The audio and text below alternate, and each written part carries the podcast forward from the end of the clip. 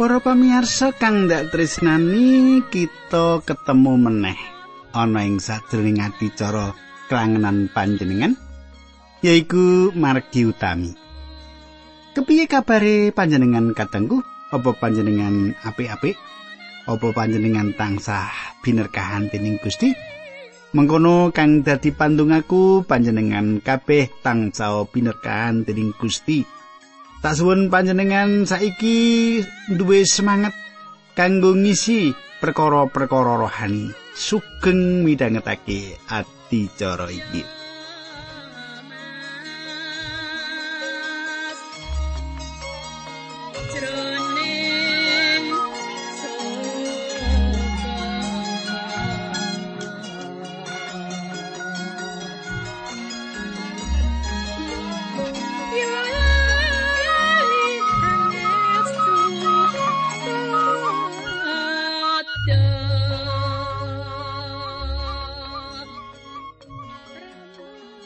Kepungkur adicara kita ngrembug bab uripe imam sing kudu suci. Kaya dene Allah sing suci. Banjur kepiye sebanjure babagan Gusti Allah marang bangsa Israel? Ayo kita terusake nanging sadurunge kuwi kita ndedonga dhisik. Duh Kanjeng Rama ingkang ada dampar wonten kraton ing kasuwargan, Kawula ngaturaken gunging panuwun menawi wekdal menika saged tetunggilan kalian sederek-sederek kawula ingkang setya tuhu midhangetaken adicara menika. Kawula nyuwun tuntunanipun Gusti linambaran asmanipun Gusti kawula Yesus Kristus kawula ndedonga haleluya amin.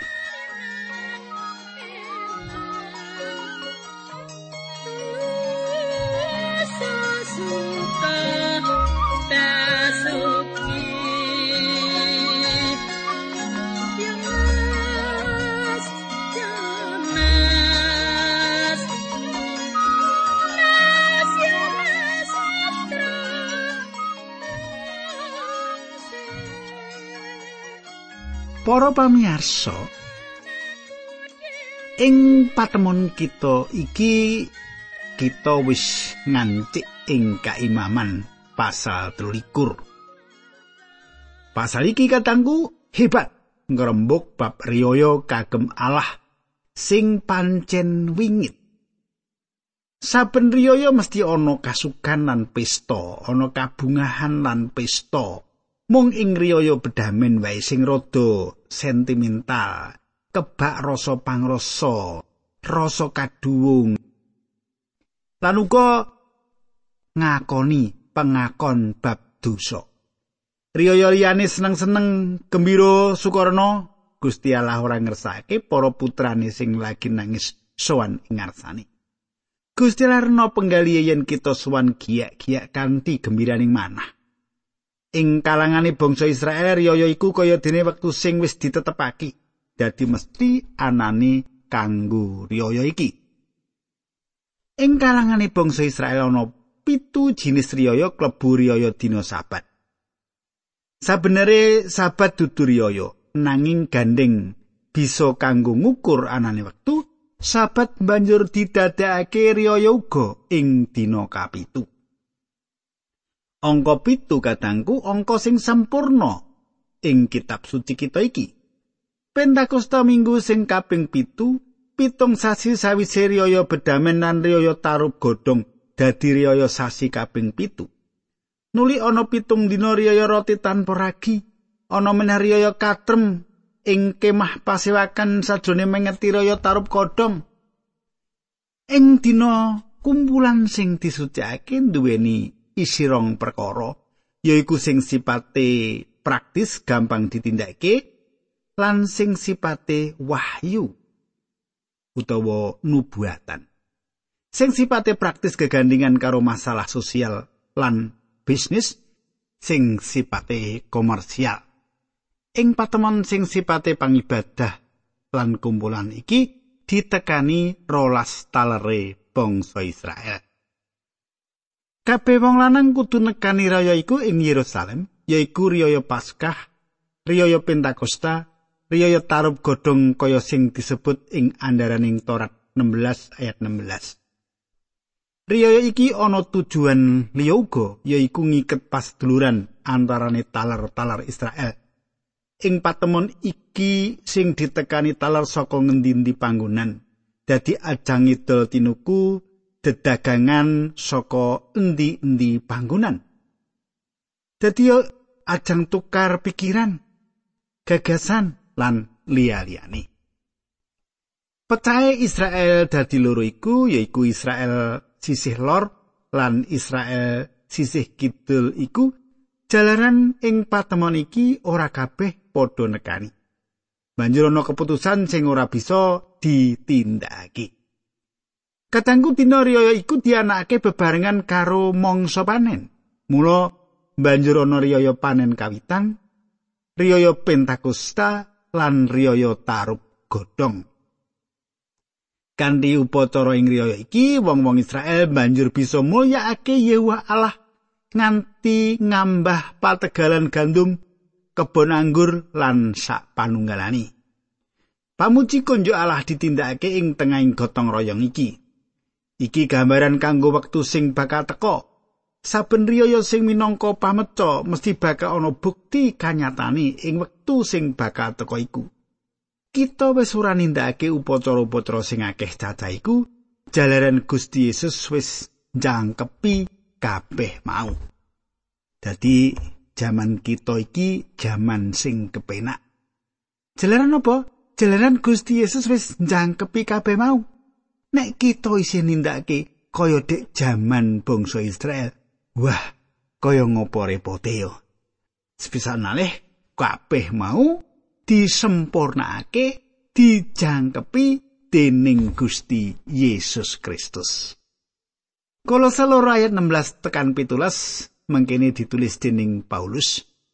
Mulane kowe aja padha manut karo pernatan-pernatan bab panganan utawa omben-omben utawa bab dina-dina suci utawa bab kramian sasi anyar utawa dina sabat. Kuwi kabeh ora mung wewayangane perkara-perkara sing bakal kelakon kuwi kabeh wis diwujudake ana ing Sang Kristus. Katengku, puji Gusti menawa Sang Kristus wis nglakoni ku kabeh. Kabeh wis ditetepake, diwujudake ana ing Sang Kristus. Kita ngaturake panuwun karo Gusti Allah. Dene kita wis ora repot kaya dek jaman bangsa Israel. Saiki kita maca kaimaman bab 13 ayat 1 loro. Mengkene surasane Gusti Allah maringake pernatan-pernatan marang Musa bab dina-dina riyaya agama mengkene ing dina riyaya bangsa Israel kudu nglumpuk ngibadah. Ayat telu Sadrone 6 dina kowe padha nyambut gawe nanging elinga dina kapitu dina sabat kuwi dina kanggo ngaso. Ing dina mau aja padha nyambut gawe nanging kudu nglumpuk ngibadah. Katangku. Sinatan riyaya-riyaya sing dianakake iku ana ing kemah pasewakan para imam ora disebutake duweni kewajiban mirunggan. Para umat teka bareng-bareng ing kono kanggo ngriyayake wektu sing wis diatur ana ing pananggalan taunane Israel. Riyaya Paskah kasalib lan sedane Gusti Yesus. Riyaya roti tanpa ragi nyawijine urip kita karena sedane Sang Kristus kanggo kita asil utawa wah tembian ing bisuke Israel bakal digawa bali menyang tanah mau. Riyaya bedamen karyane Sang Kristus sing kayu salib kanggo kita. Riyaya tarub godhong ing besuke nalika wong-wong Israel ing tanah kono. Dina sabat sing ana ing saben minggune ora klebu ing pengetan riyaya-riyaya mau. Dina sabat wis ana sadurunge Nabi Musa miyos, malah wis ana sadurunge jaman panciptan. Dina sabat diwiwiti maneh marang Israel ing buku andarane Torat ditulis bab tata cara lan pernik-pernike nindakake dina sabat. Coba kita deleng sesambungan karo dina sabat iki ing andarane Torat, pangandarane Torat bab 5 ayat 15. Elingo, dek ana ing tanah Mesir kowe wis nglakoni dadi batur tukon lan aku pangeran Allahmu wis ngluwari kowe kabeh nganggo kasekten sing elok. Mulane kowe padha bunga-bungao ing dina sabat. Katengku nalika bangsa Israel dadi batur tukon ing Mesir, nyambut gawe saben dina. Nyambut gawe saben dina. Dina sabat ana gegayutane karo metune bangsa Israel saka Mesir. Bareng wis kelakon metu saka Mesir, bangsa Israel nyisihake sedina kanggo sowan lan ngabekti marang Allah. Dina iku kudu mandek saka sekabehe penggawean. Ora kena, ora ana siji wae Israel sing nyambut gawe. Nalika jaman wiwitane gereja, wong percaya padha nyisihake wektu sedina kanggo ngabekti marang Allah. Lan milih ing dina Minggu. Dina iku dina wungune Gusti Yesus saka seda. Iki dina pangentasane saka dosa sing diparingake marang kita. Coba panjenengan semak Rom 4 ayat selawe. Gusti Yesus mau ditegakake dening Gusti Allah nganti seda merga dosa-dosa kita. Panjenengane kawungokake saka ing seda supaya ngrukunake kita karo Gusti Allah. Sumitraku, dina sabat perangan saka panciptan sing lawas lan kita wong percaya dadi pancipta sing anyar. Dina sabat perangan saka titah sing lawas lan kita wong percaya dadi titah sing anyar. Coba panjenengan semak loro Korinta 5 ayat 17 sing sapa nunggal karo Sang Kristus wong mau wis dadi titah anyar sing lawas wis sirna sing anyar wis tuwa. Katengku, Dino sabat dadi ukurane wektu kanggo bangsa Israel. Dino sabat iku dino kanggo ngaso saka pegawean. Nuli mandeng mangarep nganti yanti tekane mangsa panciptan anyar. Sabat uga nggambarake pengarep-arep anane panebusan saka sedani Sang Kristus. Nah, iki bisa kita semak saka Ibrani pasal papat ayat songo nganti sebelas tak wacaki nanging kaya kaanane saiki isi ana meneh palereman kanggo umat Allah padha kaya nggone Gusti Allah kendel makarya ana ing dina kapitu mau sapa sing kepareng mlebu ana ing palermane Allah wong kuwi bakal ngaso uga saka pegaweane dhewe padha kaya Gusti Allah nggone kendel saka pakaryane piyambak Mulane ayo kita padha mbudidaya sakatoke mlebu ana ing palermane Allah. Aja ana panunggalan kita sing balela kaya wong-wong dik biyen temah padha ora kepareng mlebu. Kadangku nggon kita ngaso mung saka panebusan. Anane ayam tentrem lan kasantosan tumrap para kagungane Gusti Allah. Ayam tentrem lan kasantosan sing kepriye? Dosa kita wis diapura.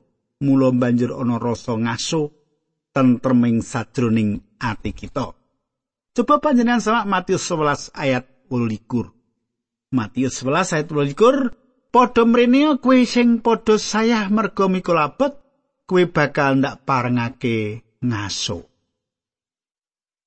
Panebusan ngaso tentrem iku sawijining gandingan tembung sing ora bisa dipisahke. Lah ya ing dina sabat iku sing ngandhut kahanan loro mau. Dina sabat dudu riyaya kaya liyane. Dina sabat dipengeti minggon, ora taunan kaya riyaya liyane. Sabat ora bangsane lomba kesenian nanging kanggo nata ancang-ancang wektu. Kaimaman 13 ayat papat tekan 5. Ing wektu-wektu sing wis ditetepake dina dina riyaya mau kudu diumumake. Tumindak raya Paskah kuwi kanggo ngluhurake Gusti Allah kawiwitan ing wayah suruping srengenge tanggal 14 sasi kepisan. Katangku jlentrehane raya bangsa Israel dijelasake ana ing kitab pangentasan pasal rolas. Pangandikane mengkini, pangentasan rolas ayat loro. Sasi iki bakal dadi sasi wiwitaning taunmu. Menawa kita maca siji Korinta 5 ayat 7 mengkene ragi sing lawas ya kuwi dosa buangen supaya kowe padha dadi jladren sing anyar sing murni sing tanpa ragi lan satemene aku ngerti yen kowe pancen mengkono Sang Kristus tempening Paskah wis kasembelih. Kadangku cikal bakali Paskah iki saka kedadian sejarah nalika wewelak sing pungkasan nempuh wong Mesir. Bangsa Israel didawi nyembelih anak wedhus gibas lan getihe dioser-oserake ana ing kusene lawang. Wong-wong Israel kudu tetep ing jero omahe dewi-dewi karo manggang lan mangan daging cempe mau. Nuli malaikat maut bakal ora tumindak apa-apa marang anak pemarep sing ing jerone omah sing wis dioser-oseri getihe cempe Paskah. Bisa kita deleng ing buku wilangan songo, kita bisa ngerti yen bangsa Israel tetep ngriyayakake Paskah nalika kemah ana ing lambungi Gunung Sinai. Lelakon Paskah iki nulit diwujudake kanthi bukti nalika Gusti Yesus dirangket dening wong Israel lan prajurit Rom sawise nganakake upacara Paskah karo para murid. Upacara iki kaya-kaya ngurupake meneh geni Paskah sing wis wiwit angslup kanthi pangarep-arep anyar ing astane Gusti Yesus. Nuli bisa kita deleng yen cempe wedhus gembel iku disembelih ana ing Wahyu 5 ayat 6. Ing Injil Lukas ditulis yen Paskah bakal dirayakake besuke ing kraton kasuwargan. Saiki coba panjenengan semak Lukas 12 ayat 16 sebab ngerti yo. Aku bakal ora dahar Paskah meneh nganti apa sing diibaratke dening Paskah iku kalaksanan ya kuwi yen kratone Allah wis tumapak. Katenggu Saiki kita terusake ka Imaman 13 ayat 6 nganti ayat 8. Esuke tanggal 15 kuwi wiwitane riyaya pesta roti tanpa ragi, sajroning pitung dina kowe padha ora kena mangan roti sing digawe nganggo ragi. Ing sajrone pitung dina mau kowe kudu saos kurban daharan kunjuk marang Allah. Ing dinane sepisan lan dinane kapitu kowe kudu padha nglumpuk ngibadah lan ora kena nyambut gawe. Kadangku senadyan riyaya roti tanpa ragi kinduweni jeneng dhewe. Nanging katindakake cedhak karo carane nindakake riyaya Paskah. Riyaya Paskah dianakake ing sawijining dina lan sedina sawise dina iki yaiku dina kapisan ing minggu iku kawiwitan riyaya roti tanpa ragi. Cikal bakal langsung ana sesambungane karo Paskah kaya sing kecathet ing pangentasan rolas ayat 14 nganti welikur. Roti sing tanpa ragi kudu dipangan nganti pitung dino, diwiwiti sedina sawise dina Paskah. Ing Injil Matius lan Markus, riyaya roti tanpa ragi lan riyaya Paskah dadi siji, ora ana bedane. Ragi lambangi kadurjanan, lan roti tanpa ragi lambangi urip sing nyawiji karo patunggilane Sang Kristus. sing ada dasar panebusane sing nandhakake pangrimate marang para wong pracaya supaya uripe tetep suci ing ngarsane. Ing lelakon riya iki kabeh wong pracaya umat Allah kudu ngaso saka pagawian saben dinane. Ana kurban sing diaturake kanthi geni kayata kurban ubaran, kurban sejaji, kurban pangruwate dosa, dina sing sepisanan lan dina sing pungkasan iku dina sing wigati lan mirunggan ing riyaya patungilan sing suci iki. Riyaya Paskah njlentrehake kurbane Sang Kristus kanggo kita manungsa dosa. Sawise kita suci jalaran panebusane, kita kudu tetep tetek tatak ngregem kawilujengan iku kanthi ngengeti yen Kristus wis sedo kanggo kita. Kita kudu tetep suci sajroning kita nglakoni urip ing sih rahmate Allah. Gusti Yesus ngendika marang para murid-e. Coba katekake Yohanes 13 ayat 8. Sampun ngantos Gusti, ature Petrus. Panjenengan sampun ngantos misuhi suku kawula. Nanging Gusti Yesus nuli ngendika, yen kowe ora gelem ndak wisui, kowe ora kena dadi muridku. Kadangku diterusake siji Yohanan siji ayat pitu. Siji Yohanan siji ayat pitu. Nanging yen kita ana ing pepadang kaya dene panjenengane ya ana ing pepadang dadi nggon kita padha tetunggilan kuwi nyata lan rai Gusti Yesus Sang Putra nglebur saking dosa kita. Katangku, rah pangorbanane Sang Kristus tetep njogo kasucen kita. Iki werdine riyaya roti tanpa ragi sing ing basa asline disebut riyaya masok. Katanggu saiki diterusake ka Imaman 13 ayat 9 10 11. Mengkini surat sane. Yen kowe wis manggon ing tanah Kanaan lan panen gandum kowe kudu masrahake marang imam gandum saunting sing kok neni dhisik dhewe. Ing dina candhake dina sabat gandum mau kudu disaosake kagem Allah piyambak supaya rena penggaliye.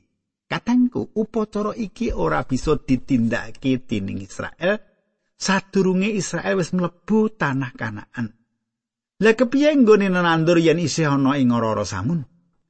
Nalika Israel wis nyebar gandum, sawise sewetara wektu wuli-wuli sepisanan sing metu kudu dikumpulake, banjur diaturake marang imam ana ing kemah pasewakan dadi kurban sesausan marang Allah. Wektu nggone nyaosake marang imam ora dikandhakake ing angger-angger mau. Senajan ora ditentokake kapan upacara iku ditindakake nanging tansah ditindakake ing dina kapisan sawise riyaya tanpa ragi iki perlu dingerteni jalaran Sang Kristus uga diarani asil tembian. Coba panjenengan semak siji Korinta 15 ayat 20. Siji Korinta 15 ayat 20 mangkene surasane nanging sing bener ya kuwi Sang Kristus wis kawungake saka ing sedo lan kuwi sing dadi jaminan yen wong sing wis mati ya bakal katangake. Kadangku wungune Sang Kristus saka antara wong mati dicethake ana Matius 21. Mengkene surasane. Bareng dina sabat wis kliwat ing dina Minggu esuk umun-umun Maryam Magdalena lan Maryam sijine padha lunga niliki pasareane Gusti Yesus.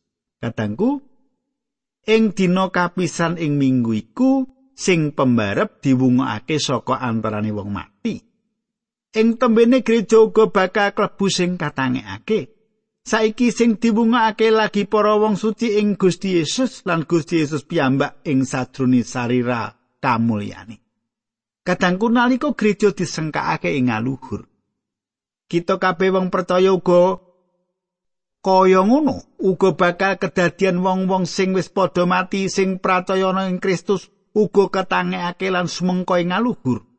Kaya nalika Gusti Yesus kawungake saka pesariani, Gusti Yesus dadi sing barep wungu sing kawitan nuli lagi kabeh kagungane. Iku kedadian nalika rawe Sang Kristus sing kaping pindho ing bumi. Sawise hasil panen sing sepisanan bakal ana panen sing kapindho, para wong percaya iku hasil panen candake. Coba panjenengan semak Yohanes 13 ayat 4 padha elingo. yen wiji gandum sing ditandur ing lemah lan mati, wiji mau ora bakal tetep mung seglintir wae. Nanging sawise wiji mau mati, bakal ngetake woh akeh. Kadangku saiki kaimaman 13 ayat 13 nganti ayat 14 tak wacake. Tunggal dina nggonmu nyaosake korban gandum mau, kowe ya kudu nyaosake korban hubungan rupa wedhus gembel sing umur setahun lan tanpa cacat. Ing wektu iku uga kowe kudu nyaosake korban daharan rupa glepung rong kilogram. Diulet karo lenga zaitun gandane korban mau gawernane penggali Allah lan iya dibarengi sausan anggur saliter. Menawa durung nyaosake korban mau kabeh kowe ora kena mangan gandummu anyar mau mbuh mentah mbuh dipanggang utawa dibakar. Pernatan iki kudu ditetepi dening anak turunmu kabeh selawas-lawase. Kadangku atur kurban ditindakake dening wong Israel ing riyaya iki ora ana kurban pangruwate dosa. Jalaran kurban iku mung ditindakake yen ana sesambungane karo sedane Sang Kristus sing ngruwat saliring dosa. Kita. Coba panjenengan semak loro Korinta 5 ayat 13. Sang Kristus sing tanpa dosa wis didadekake dosa mergo kita supaya srana nunggal karo Sang Kristus kita padha karukunake karo Gusti Allah. Kadangku asile panen iki bisa dipangan dhisik sadurunge dipisungsungake katur Yehuwah Allah. Tumrape wong Kristen sedo lan wungune Sang Kristus iku dadi berkah agung kanggo nyambungake kita para kagungane karo Allah ing dalem asmane Gusti Yesus Kristus. Iki ateges diluwari saka sesambungane karo Bapa Adam sing dosa nuli karengkuh mlebu ing pangrengkuh Sang Kristus sing ndadekake kabeh iki anyar. Dadi menawa panjenengan saiki wis nampa Gusti Yesus minangka juru wilujeng, nah panjenengan kalebu titah sing anyar. Lan panjenengan dadi wong sing anyar, kabeh dadi anyar, katresnan panjenengan dadi anyar. Apa ora seneng panjenengan nderek Gusti Yesus? Ayo kita ndedonga bareng. Duh Kanjeng Rama ing swarga kawula ngaturaken gunging panuwun. Menawi wekdal menika kawula saged midhangetaken kayektosanipun pangandikan paduka.